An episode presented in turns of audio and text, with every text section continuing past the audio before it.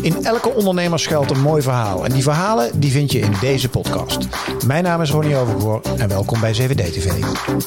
Het ondernemerschap binnen het familiebedrijf vond ik ook wel heel spannend en ook wel super uitdagend. Misschien moet dat toch wel verkopen. En dat is nog steeds eigenlijk een vraagstuk wat we hebben. Met Marklink maak ik een serie gesprekken over het verkopen van je bedrijf. Uh, daarover en over meer ga ik in gesprek met Henk-Jan van Manen van Bakker Manen. Want hij is mijn gast hier op 7D TV. Van harte welkom. Ja, Henk-Jan, van harte welkom. Ik zat een beetje te researchen in jullie bedrijf, wat een mega lange historie heeft van, wat is het, 115 jaar, meer dan al, volgens ja. mij. Dat het ooit is begonnen met de koop van een bedrijf, hè? Ja, Want klopt. opa heeft voor uh, 3300 gulden in 1907 heeft hij een failliete bakker gekocht. Zo is het begonnen, toch? Zo is het begonnen, ja. Vertel ja. eens. Ja. ja, je was er niet bij, maar... Nee, ik was er niet bij, ja. Het was, uh, wij zijn inmiddels de vierde generatie, dus het is een tijdje uh, geleden. Ja. Maar eigenlijk was het een boerenzoon die uit Pijnakker kwam. En ja, wilde graag, uh, of was al bezig met het bakkersvak en wilde uh, daarin zelfstandig ondernemen. En zo is hij uh, op zoek gegaan naar een, een, bakkerswinkel. En dat was in een straat in de omgeving waar, ik denk, ja, waar eigenlijk nog drie andere bakkers in een straal, ik denk van 150 meter zaten. Ehm, maar ja, dat was in de tijd van dat elke gemeenschap, zeg maar elke christelijke gemeenschap wel zijn eigen bakker had. En zo kocht hij die failliete bakker en is daar ooit begonnen aan de Kerkstraat. Zo is begonnen. Ja. ja. Hey, en uh, waar sta je nu?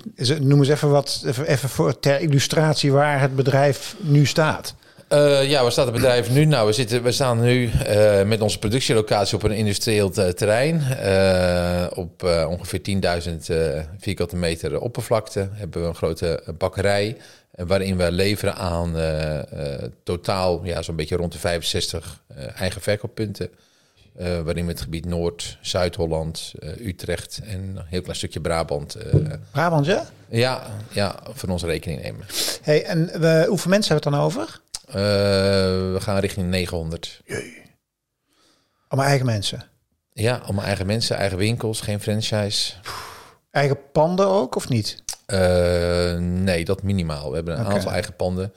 wel de productielocatie, maar de winkels hebben over het algemeen huren wij die. Oké. Okay. Um, ik vind het leuk om over ondernemerschap ook met jou te praten. Maar laten we eens kijken van, van opa met zijn failliete bakker naar, uh, naar nu. Uh, hoeveel, hoeveel filialen zei ik weer? Hoeveel verkooppunten? 60? 65. 65 verkooppunten. Uh, hoe is die groei gegaan als je het even kijkt vanuit de techniek van zeg maar, kopen of verkopen of autonoom groeien? Kun je dus wat, wat, wat, wat punten uitpikken in de geschiedenis? Ja, in de geschiedenis zou je kunnen zeggen dat tot uh, eind jaren 70 was het eigenlijk gewoon een buurtbakkertje. Zoals er eigenlijk heel veel bakkerijen waren. Ja. Om een beetje een beeld te schetsen. Ik denk in de jaren 60 had je nog iets van uh, 12.000 bakkers in Nederland. Dat was allemaal lokaal, hè, met ook een melkboer uh, en de slager en, ja. en alles daaromheen. Nou, dat is door de komst van supermarkten. Uh, is dat heel erg gaan veranderen. Uh, je had toen de tijd had je nog heel veel wat ze noemen ventwijken. Dus werd aan huis bezorgd. Dat ja. veranderde allemaal. Hè, net als de SRV die je toen ja. vroeger kende. Ja. Uh, toen begon eigenlijk het eerste, de eerste filialisering, zo'n beetje in de jaren 70. Uh, omdat de winkelcentra's werden gebouwd. Uh, op een gegeven moment werd mijn vader en mijn oom, dus eigenlijk de, de derde generatie. Eigenlijk tot, de, tot met de tweede generatie is het eigenlijk altijd heel kleinschalig geweest. De derde generatie kreeg te maken met die ontwikkelingen in de jaren 70. En ja, die zagen ook wel in dat het geen toekomst had om heel lokaal te blijven. Toen werden we benaderd door Jan van der Broek, van de Dirk van der Broek supermarkten. Ah, wel bekend. Ja. Die woonde toen in Katwijk.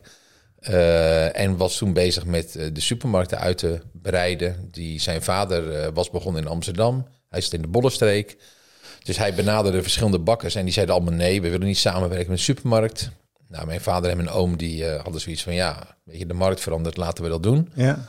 En zo zijn wij eigenlijk in eerste instantie meegegroeid met hun. Uh, dat ging eigenlijk heel rap, want Jan van der Broek ging ook heel rap. Dus ja. we gingen van, uh, van twee naar drie, naar vier, naar vijf, naar zes. Eigenlijk elk jaar kwam er een vesting bij. Maar hoe werkte dat even bedrijfstechnisch, zeg maar? Kocht hij zich in? Of, of was dat... Want jullie zijn een familiebedrijf, puur zang natuurlijk. Dus Ja. ik neem aan dat jullie 100% eh, eh, van Manen was gewoon van jullie. Wat was de deal dan met hem? Nou, de deal was eigenlijk dat wij, eh, wat ze noemden, concessionair werden. Dus dat? wij, eh, een concessionair, dus eh, een heel luxe woord. Ja. Eh, maar wij zaten eigenlijk gewoon achter de kassa van de supermarkt. En, en mensen kwamen bij die counter, zowel bij een slager als een bakker, als een, een, groenteboer in die periode, kwamen ze daar hun boodschap halen. En de supermarkt was eigenlijk de discounter, verkocht nog niet veel vers in die tijd. En de aanvullende verspartners, eh, die zorgden voor de bovenkant van de markt. Maar vanuit zijn filialen of wat? Of Ja, vanuit ja, zijn ja, filialen. oké. Maar, we- maar hij had, het was geen aandelentransactie of Nee, iets? nee, ah, oké. Dus je, nee. je kreeg in feite verkooppunten in zijn filialen. Moet je zo zien? Aha. Ja, En, maar daar en daar betaalden jullie voor?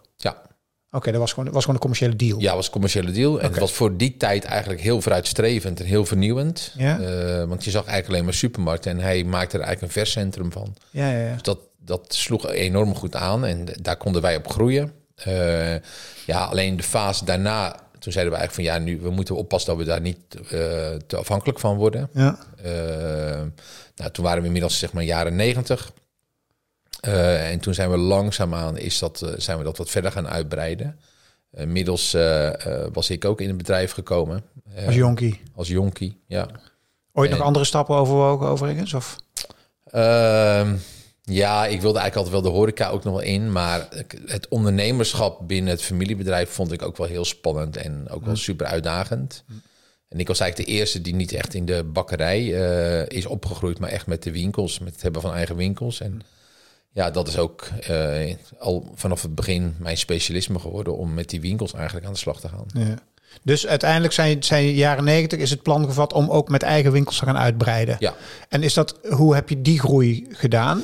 Van, van niks ja naar dat was 60? natuurlijk deels autonoom, maar ook deels door eh, veel overnames te doen. We hebben eigenlijk heel veel overnames gedaan. Van Kijk, allemaal losse bakkerijen? Ja. Of, of een aan, die er een aantal hadden? Of zo. ja, Want recent, de, de recensie is van vorig jaar, toch? Eh Klopt. Thijs, Thijs de Man Bakkers? Ja, Thijsselman Bakkers en nog een aantal winkels van Bakker Klootwijk eh, die we eh, hebben overgenomen. Dus de afgelopen jaren hebben we best wel veel gedaan. We hebben totaal eh, een 21 verkooppunten eh, zeg maar toegevoegd. Tjie. Eh, maar goed, we saneren ook wel aan de onderkant hoor. Omdat je wel ziet Ja. dat het winkellandschap verandert. En eigenlijk wat heel belangrijk is, dat je daarin mee transformeert. Ja, gaan we het zo meteen over hebben. Want dat is denk ik een hele mooie filosofie hoe jullie... Want het is geen klassiek bakkertje met een houten plankje met wat broodjes erop. Hè, zeg maar waar jullie inmiddels in opereren. Even nog dat, dat, dat kopen van bedrijven. Hè. Neem ons eens mee. Stel nou, ik ben een familiebedrijf, maar ik sta nog aan het begin. Ik ben eerste generatie of tweede generatie en ik ben nog klein. Maar ik wil ook zo'n groei gaan doen. Wat zijn de do's en de don'ts als je zo'n koopstrategie hebt om te groeien? Ja, kijk, het is denk ik eh, heel belangrijk dat je gewoon kijkt eh, wat heb je in je interne organisatie aan mensen om je heen. Eh, want groei aan, aan zich is niet zo moeilijk, maar het beheersbaar houden daarvan is natuurlijk de, de uitdaging. Ehm, en de tussenfase waarin je zit, die is uiteindelijk ook wel weer heel gevaarlijk. Want als je groeit en je bent wat groter, dan wordt het uiteindelijk complexer. Ja. Totdat je op een gegeven moment een bepaalde schaal hebt. Ja, dan ga je ook wat meer voordelen daarvan eh, creëren. Maar ja, ehm, eh, dus het, het, het vraagt nog wel wat om, eh, om, om echt groot te worden. Ik denk dat wij ook echt een, voor de bakkerijsector zijn we wel een uitzondering. Met, met de omvang die wij hebben. Eh, Want jullie zijn, jullie zijn de grootste volgens mij. in Nederland. ja, op, zeg maar, met eigen winkels, met het ambachtelijk segment bedienen, zijn wij de grootste, ja. Hebben jullie alles zelf gefinancierd, die groei? Ja, soms heeft de bank ons eh, daarin geholpen. Ja, ja maar niet dat er private equity is ingegaan. of, nee, eh, dus alle aandelen zijn nog in handen van de familie. Ja, ja. Oké. Ja. Dingen fout gegaan in die groei? Oh, genoeg. Noem er eens een paar. Nou ja, ik heb eh, van alles meegemaakt, maar ehm, ik ben nog het, het meest recente, zou je kunnen zeggen. Ik ben een jaar of zeven geleden zijn we begonnen met zelfsturing. Ja, jij was geïnspireerd door heet onze vriend eh, Ricardo, Sem. Semmler. Ja. Ja, nou, uiteindelijk is dat wel iets dat, eh, ja, daar hebben we ook wel de nodige fouten meegemaakt. Dat je, je kunt dat zelf wel willen, maar eh, de interne organisatie en ook de cultuur, niet alleen in je organisatie, ook maar daarbuiten, die, die was daar gewoon naar mijn mening nog niet klaar voor. Dat ging mis. Dat ging mis. Wat ja. ging er mis? Ja, er ging heel veel mis. Uh, dat... Want even voor de mensen die Ricardo Semler niet kennen, zelfs dat heel veel verantwoordelijkheid bij de mensen leggen, toch? Ja, ja. Zelf sturen. Ja, in essentie uh, past het heel erg bij mijn ondernemerschap. Ik doe het eigenlijk nog steeds, alleen ik geef het nu geen naam en geen structuur meer. Mm -hmm. En ik denk dat uh, de mooie verhalen, en die je wel vaker hoort, hè, die hoort, in de media hoor je vaak de prachtige verhalen. Van dan moet je zo doen en zo doen. Of uh, mensen mogen zelf overal alles in beslissen. Ik denk dat leiderschap nog steeds belangrijk is, maar dat het wel veel meer naar dienend leiderschap is gegaan in de afgelopen jaren. En dat dat zeg maar een dat Semler zie ik meer als een voorbode van een transitie die we met elkaar in de samenleving maken. Mm. Uh, kijk ook maar naar bijvoorbeeld uh, het kampioenschap van Feyenoord met de type trainer die daar zit. Uh, dat is een heel andere leiderschapsvorm die hij laat zien, uh, waarvan ja, die mij erg aanspreekt. Dus natuurlijk eigenlijk de combinatie juist van aan de ene kant de vrijheid en dat mensen zelf beslissingen kunnen nemen, met, maar aan de andere kant een hele duidelijke dienende vorm van leiderschap. Exact. En die ja. is wel heel hard nodig. Ja. En dat je ook kijkt naar het talent van mensen en dat je dat talent uh, naar boven probeert te halen. Ja. En ik denk dat kwetsbaarheid een kracht is. Jij bent in de jaren, wanneer was dat? Want je, je hebt een eigen zoektocht ook echt ondergaan, hè, wat dat betreft, toch? Ja. Uh, heb je dat, want je doet het samen met je broer, hè? Klopt. Jullie, want op een gegeven moment, ik las ergens, dat vond ik wel mooi om te lezen, dat jullie op een gegeven moment een coach volgens mij hadden en die zei van, joh, als jullie nou opnieuw zouden beginnen, zouden jullie het dan nog samen doen? En dat jullie eigenlijk allebei vrijwel direct zeiden, uh -uh, nee dus. wat was dat voor een moment? Ja, kijk, uh, ik denk dat wij komen uit een andere tijd en uh, wij zijn ook allebei een heel ander type persoon. Uh, ja. Ik denk wel in de dynamiek dat we heel goed naast elkaar passen. Uh, maar ja, we hebben allebei een, gewoon een ander pad eigenlijk te bewandelen. En de kunst is om elkaar er ook wel de ruimte te geven. Ja. maar ja, we zijn totaal anders. Ik denk dat ik ja, veel meer vooruitstrevend ben en, en, en vernieuwend ben. En mijn broer is wat meer beheersend en, en misschien ook wel iets meer behoudend. Maar ja. soms past het natuurlijk in een relatie ook wel weer heel goed bij elkaar. Alleen, uh, ja, ik denk dat we als we opnieuw zouden beginnen, dan is en je zou uit vrije wil kiezen, is dat weer anders. In een familiebedrijf ontstaat het ook zo. Het is vanuit ja. de, de, de, geschiedenis ook zo ontstaan. En prima, ja, weet je, uiteindelijk uh, uh, was dat een andere fase waarin je met elkaar opstart. En het is een beetje, ik zeg wel eens, een uit de hand gelopen hobby. Uh, het is nu een prachtig mooi bedrijf. We hebben een enorme omvang. ja, en dat is superleuk. Want die co dat coaching traject heeft jullie wel op een nieuwe manier leren kijken ook naar jullie rol in het bedrijf, toch? Ja, ik denk dat heel belangrijk is. Dat je elkaar wel de ruimte geeft om te zijn wie je bent.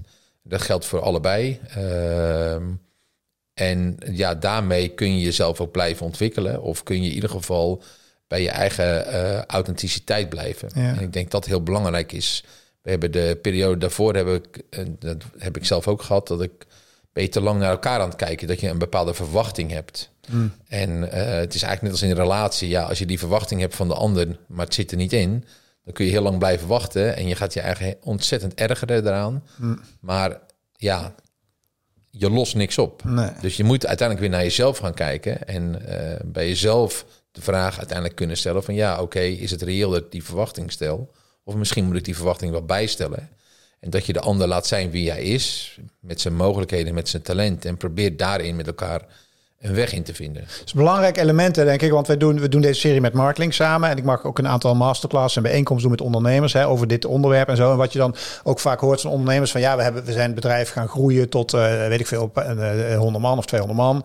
En dan hebben we dat verkocht aan een grote club of een platformbedrijf. En dan krijgen we daar weer een functie in. Maar dan moet je in één keer die stap maken van wij spreken 200 man naar 1000 man. Maar dat vereist een volledig andere rol voor een leider. Dus de, de, dat herken ik ook in jouw verhaal. Dus dat je zeg maar vanaf dat kleine bedrijfje bent gaan groeien. Maar op een gegeven moment dat ook die groei veroorzaakt. Dat je op een hele andere manier in de wedstrijd gaat zitten. Ja. En jouw rol anders wordt. Ja, klopt. Hoe is die nu?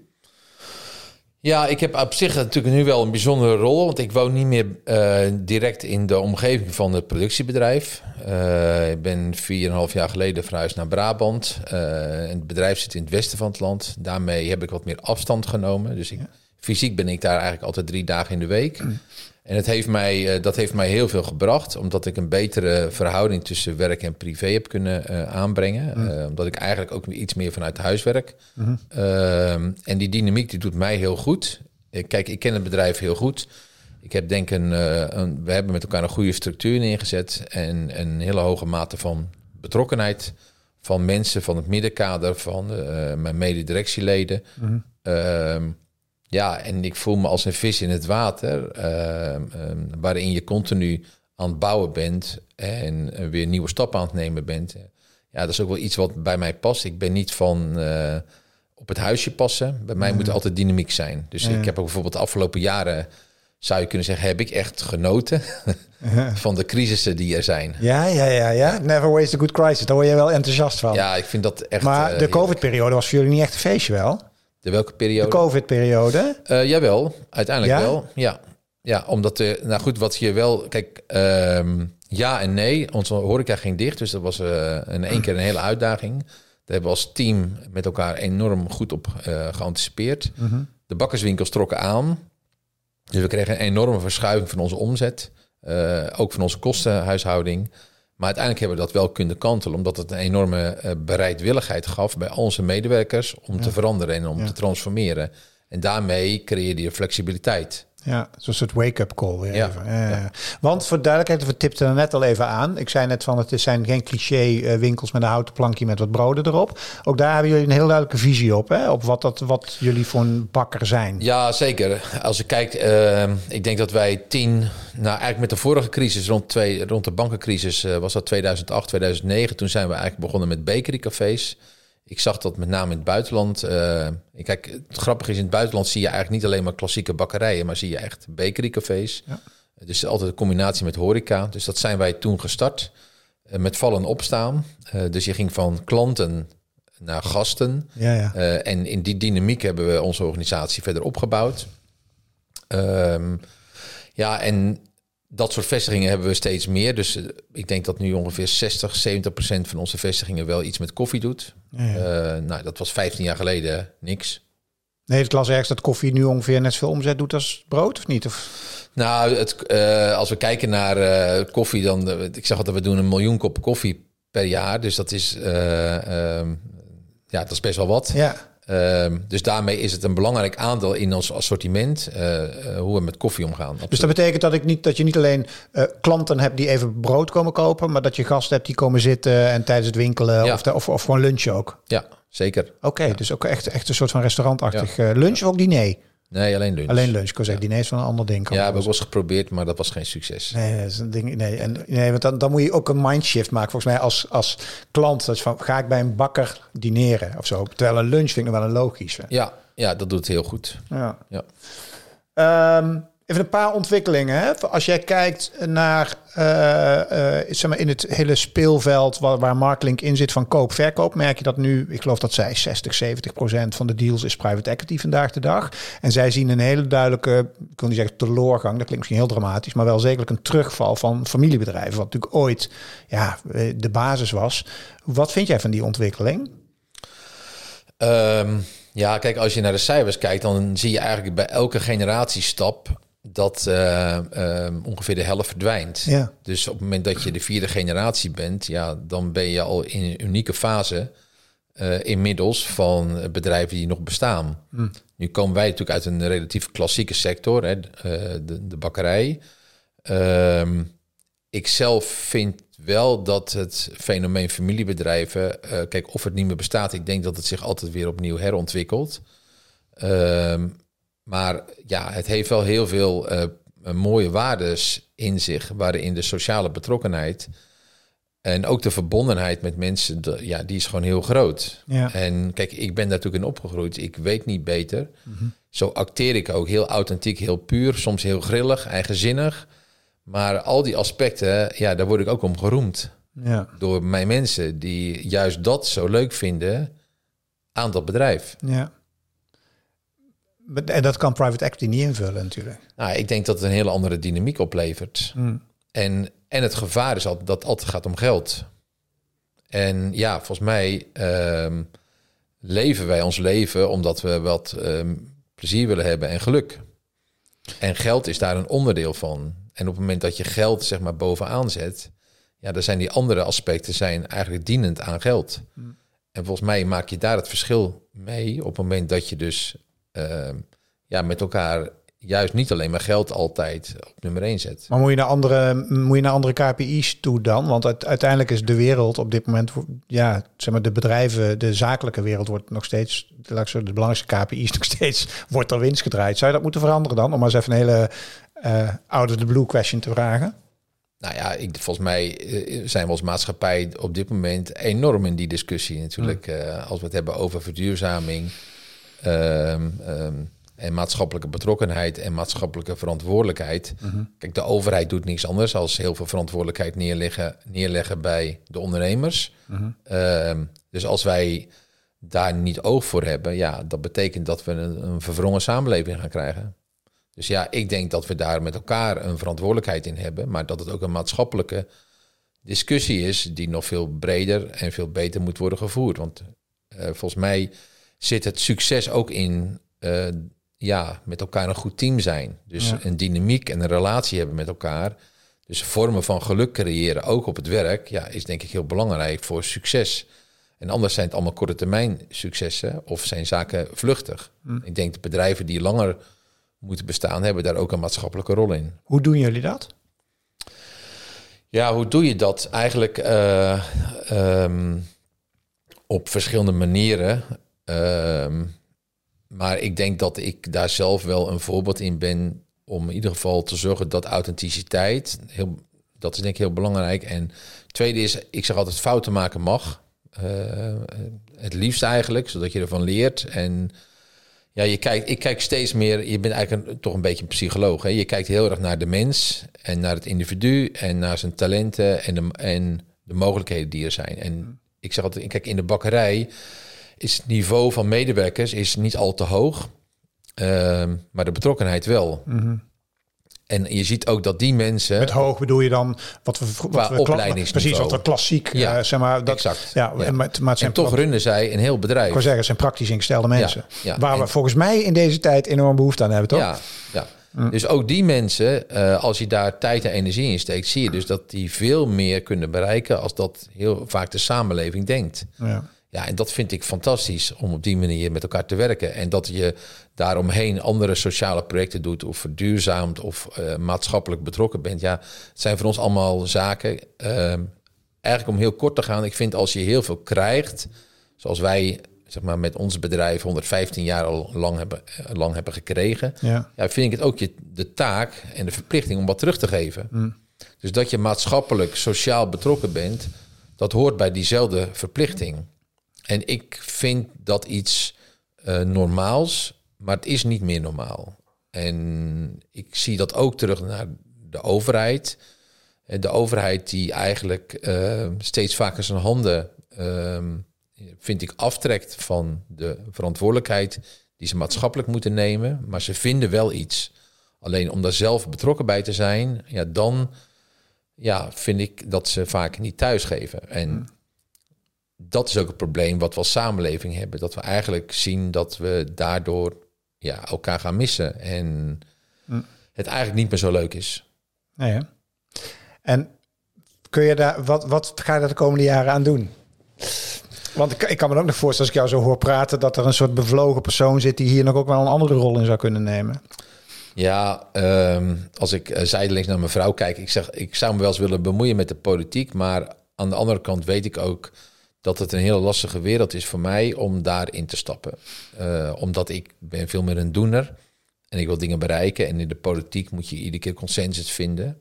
En ik vind juist in de politiek ontbreekt het aan leiderschap. Ja, en uh, wat ik al zei, voor mij zijn die dingen interessant op het moment dat dingen in beweging komen of een, uh, een goede crisis.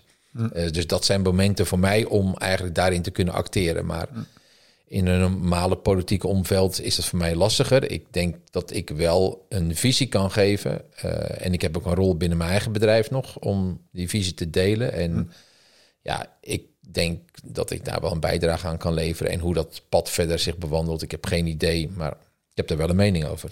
Precies. En nou ja, al is het maar dat je vanuit je eigen kring effect hebt op de mensen om je heen. Snap je? Ik bedoel, dat zeg ik altijd van ja, want de, de wereldproblematiek die kun je wel gaan dragen op je schouder. Maar ja die lossen wij met z'n tweeën niet op, uh, zeg maar. Nee, je kunt er een steentje aan bijdragen. En ik geloof wel heel erg in een tribe die je kunt creëren met ja, elkaar. Precies. ja. De tribe van manen. Ja. Ja.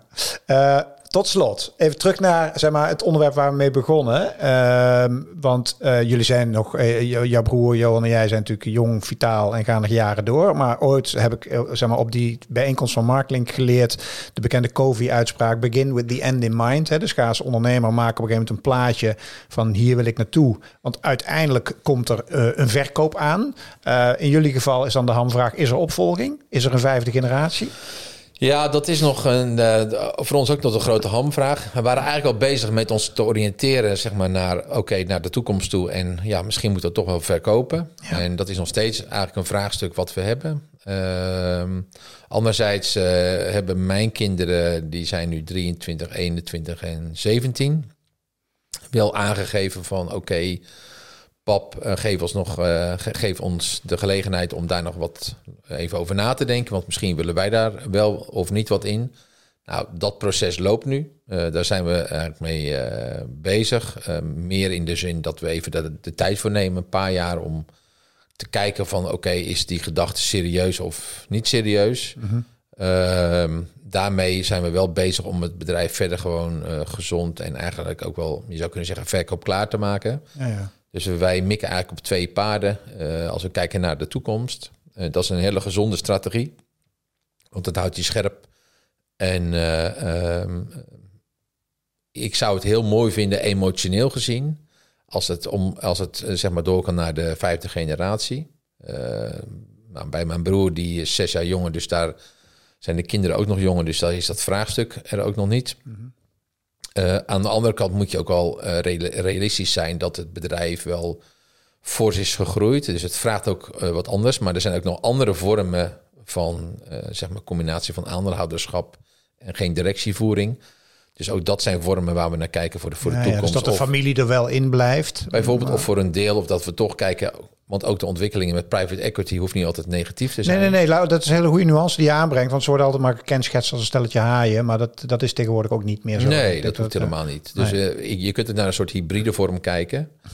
Maar ik, ja, ik vind het wel mooi als je zo lang hebt gewerkt aan, noem het maar een levenswerk, om dat ook op een goede manier uh, over te dragen. En wat het dan zal zijn, ja, de, daar praten we met enige regelmaat over. Laatste vraag, want ik hoor ik veel met ondernemers die, eh, die, die in een familiebedrijf zitten, dat er een soort twee smaken is. Dat de een heeft een beetje deze toon, hè, van emotioneel gezien zou het prachtig zijn dat. Ik heb ook ondernemers gesproken die daar heel duidelijk, die ellende doe ik mijn kinderen niet aan. Ja. Uh, heb jij, zeg maar, denk jij ook wel eens zo? Nou, ik heb met mijn vrouw daar regelmatig uh, gesprekken over. Wij komen allebei uit een familiebedrijf en we hebben uh, eigenlijk allebei de kanten wel meegemaakt. Dus ook veel ellende vanuit het familiebedrijf, ook best wel veel gedoe. Ja. En dat is niet altijd fijn. Uh, dus zij heeft ook zoiets van, ja, weet je, moeten we het onze kinderen wel aandoen en moeten we het onszelf aandoen, want je blijft ook je leven lang betrokken bij het ja. bedrijf. Ja. ja, ik zit er iets uh, emotioneler in. Um, en aan de andere kant ook weer niet. Ik denk van, ik kan die stap ook wel zetten. Uh, maar ik vind wel dat je het open moet bediscussiëren. En dat je er ook wel even de tijd voor moet nemen, ook met je kinderen. Om daar serieus bij stil te staan, zowel de voor als de tegens. En ja, dan neem je met elkaar een beslissing of een keuze. En elke keuze is goed uh, daarin, naar mijn mening. Als maar een keuze is. Als maar een keuze is. Dankjewel voor dit gesprek, uh, Henk-Jan. Leuk dat je mijn gast was. Graag. En dankjewel voor het kijken en luisteren naar het prachtige ondernemersverhaal van, van Bakker Manen. En um, als je dit een leuk gesprek vond, dan uh, abonneer je als je zit te kijken op het YouTube-kanaal op uh, 7D TV. Nog veel meer gesprekken vind je daar. Ook in deze serie die ik samen maak met uh, Mark Link. Dankjewel daarvoor. En heb je geluisterd naar de podcast? Laat een review achter. ik wil heel graag weten wat je van dit gesprek vond. En ook daar kun je lekker abonneren. Mis je helemaal niks meer. Voor nu, dankjewel. Hoi. Dit was weer een mooi verhaal uit de podcastserie 7D TV. Vergeet ons niet te volgen en laat me ook weten wat je van 7D TV vindt. Elke dinsdag en elke donderdag ben ik hier met een nieuw ondernemersverhaal. Voor nu, dankjewel voor het luisteren. Hoi!